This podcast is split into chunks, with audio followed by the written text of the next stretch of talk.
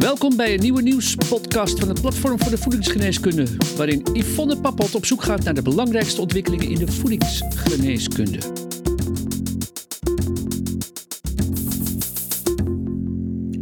Hallo professionals, welkom weer bij de wekelijkse nieuwspodcast van Voedingsgeneeskunde. Met deze podcast willen we jou inspireren over de rol van leefstijl, voeding en specifieke nutriënten in relatie tot gezondheid en ziekte.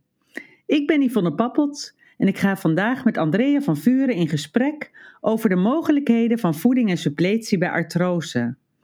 Het RIVM schat dat artrose de snelst stijgende chronische aandoening is in Nederland.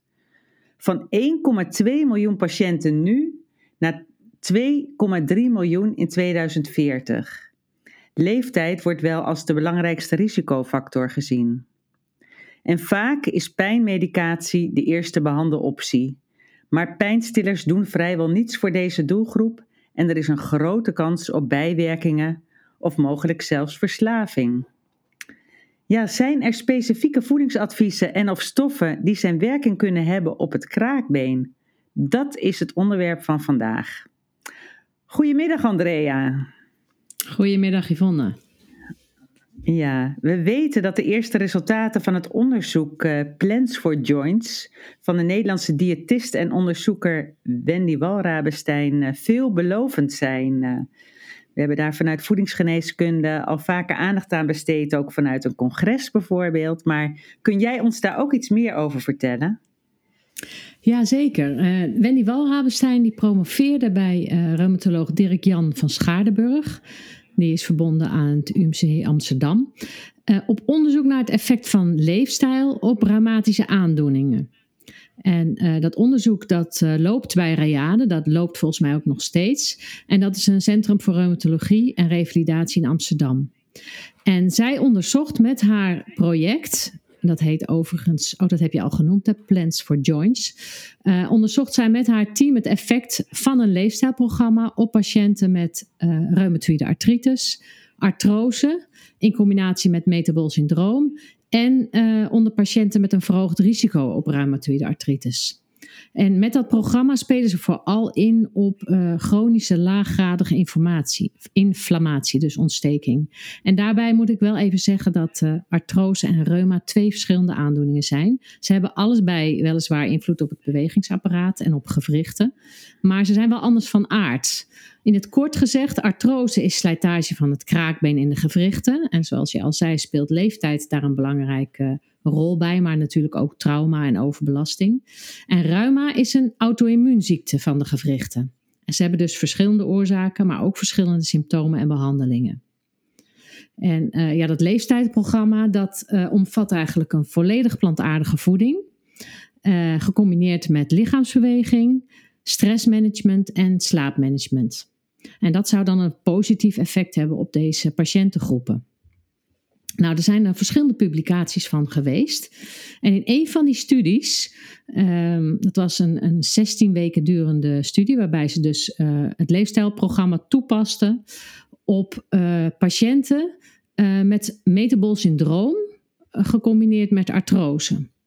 En dat verminderde dan stijfheid, het verlichtte de pijn, het verbeterde de fysieke functie van die mensen die dan heup- of knieartrose hadden. En uh, ja, die link is eigenlijk zo sterk dat, um, ja, dat, het, dat het eigenlijk heel verrassend is, ook voor de onderzo onderzoekers.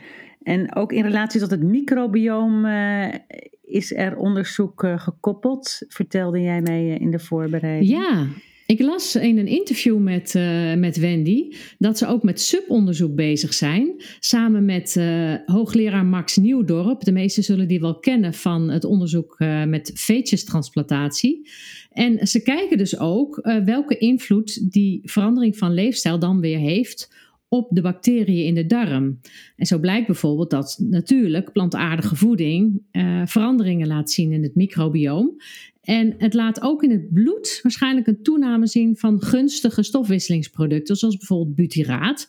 En butyraat speelt weer een rol bij ontstekingsprocessen in het lichaam. Dus het is allemaal reuze interessant en veelbelovend.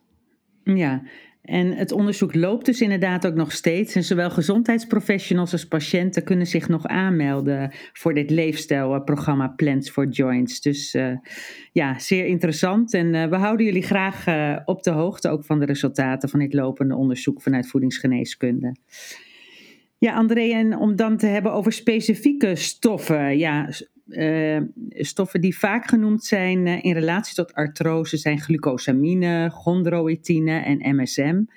Is er evidence voor deze stoffen om ze ja, in te zetten bij, uh, bij dit soort aandoeningen? Ze worden niet voor niets vaak genoemd. Ze zijn vaak onderwerp geweest van onderzoek. Daarbij moet ik wel zeggen, ja, ze worden vaak samen gebruikt en ze kunnen helpen bij het behoud van gezond kraakbeen en van het gewrichtsweefsel. Maar bestaande artrose is moeilijk weg te krijgen. En die twee of die stoffen, zoals glucosamine en chondroïtine, die komen allebei van nature voor in het kraakbeenweefsel.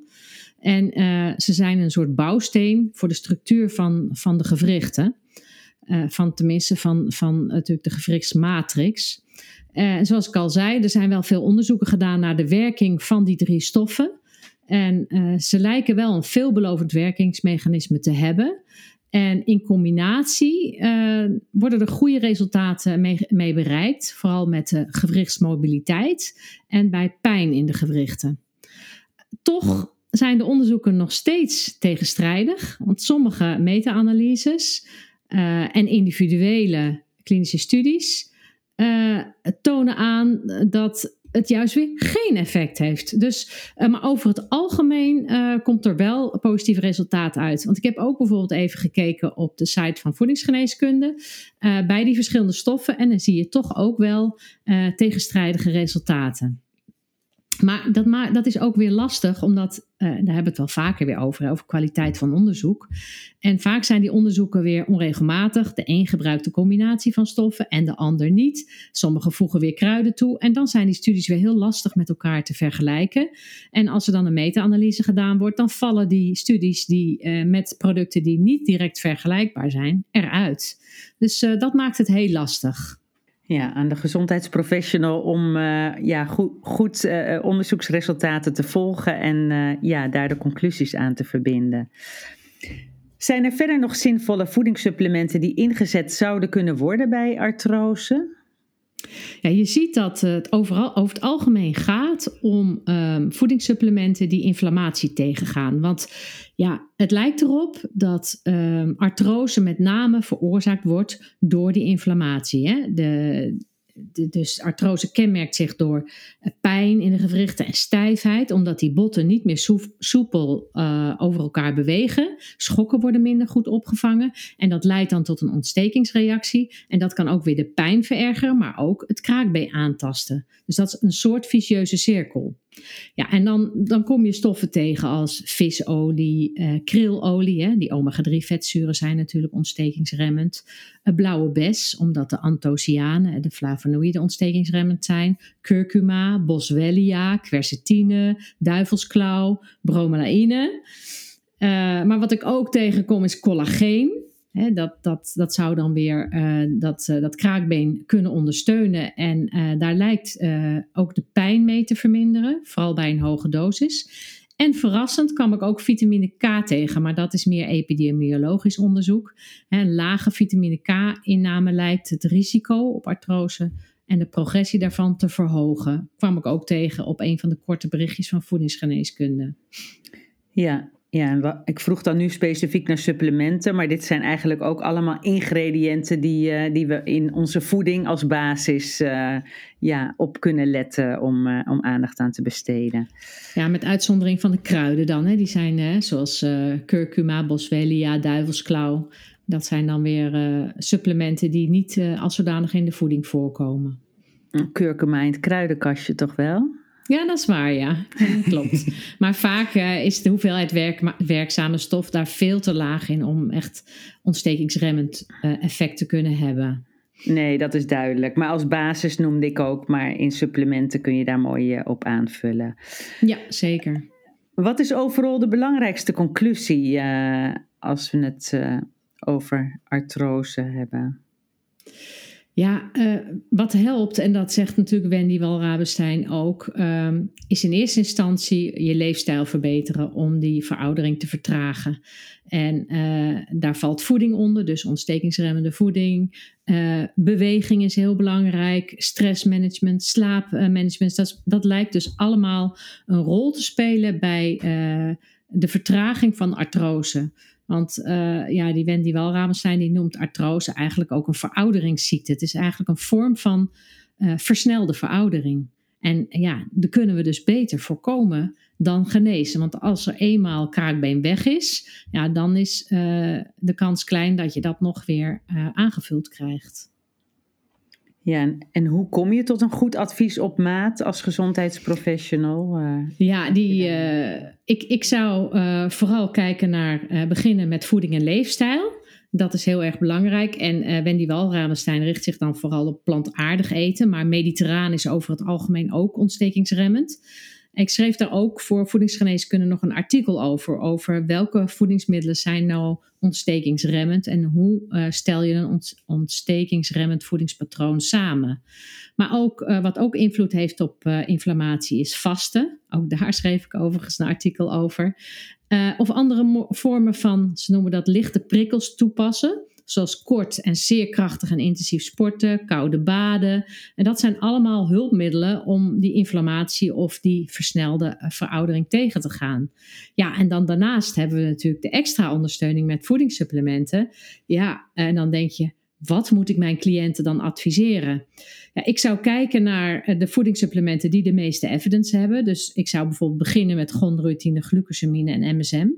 En daar een zinvolle dosering van adviseren.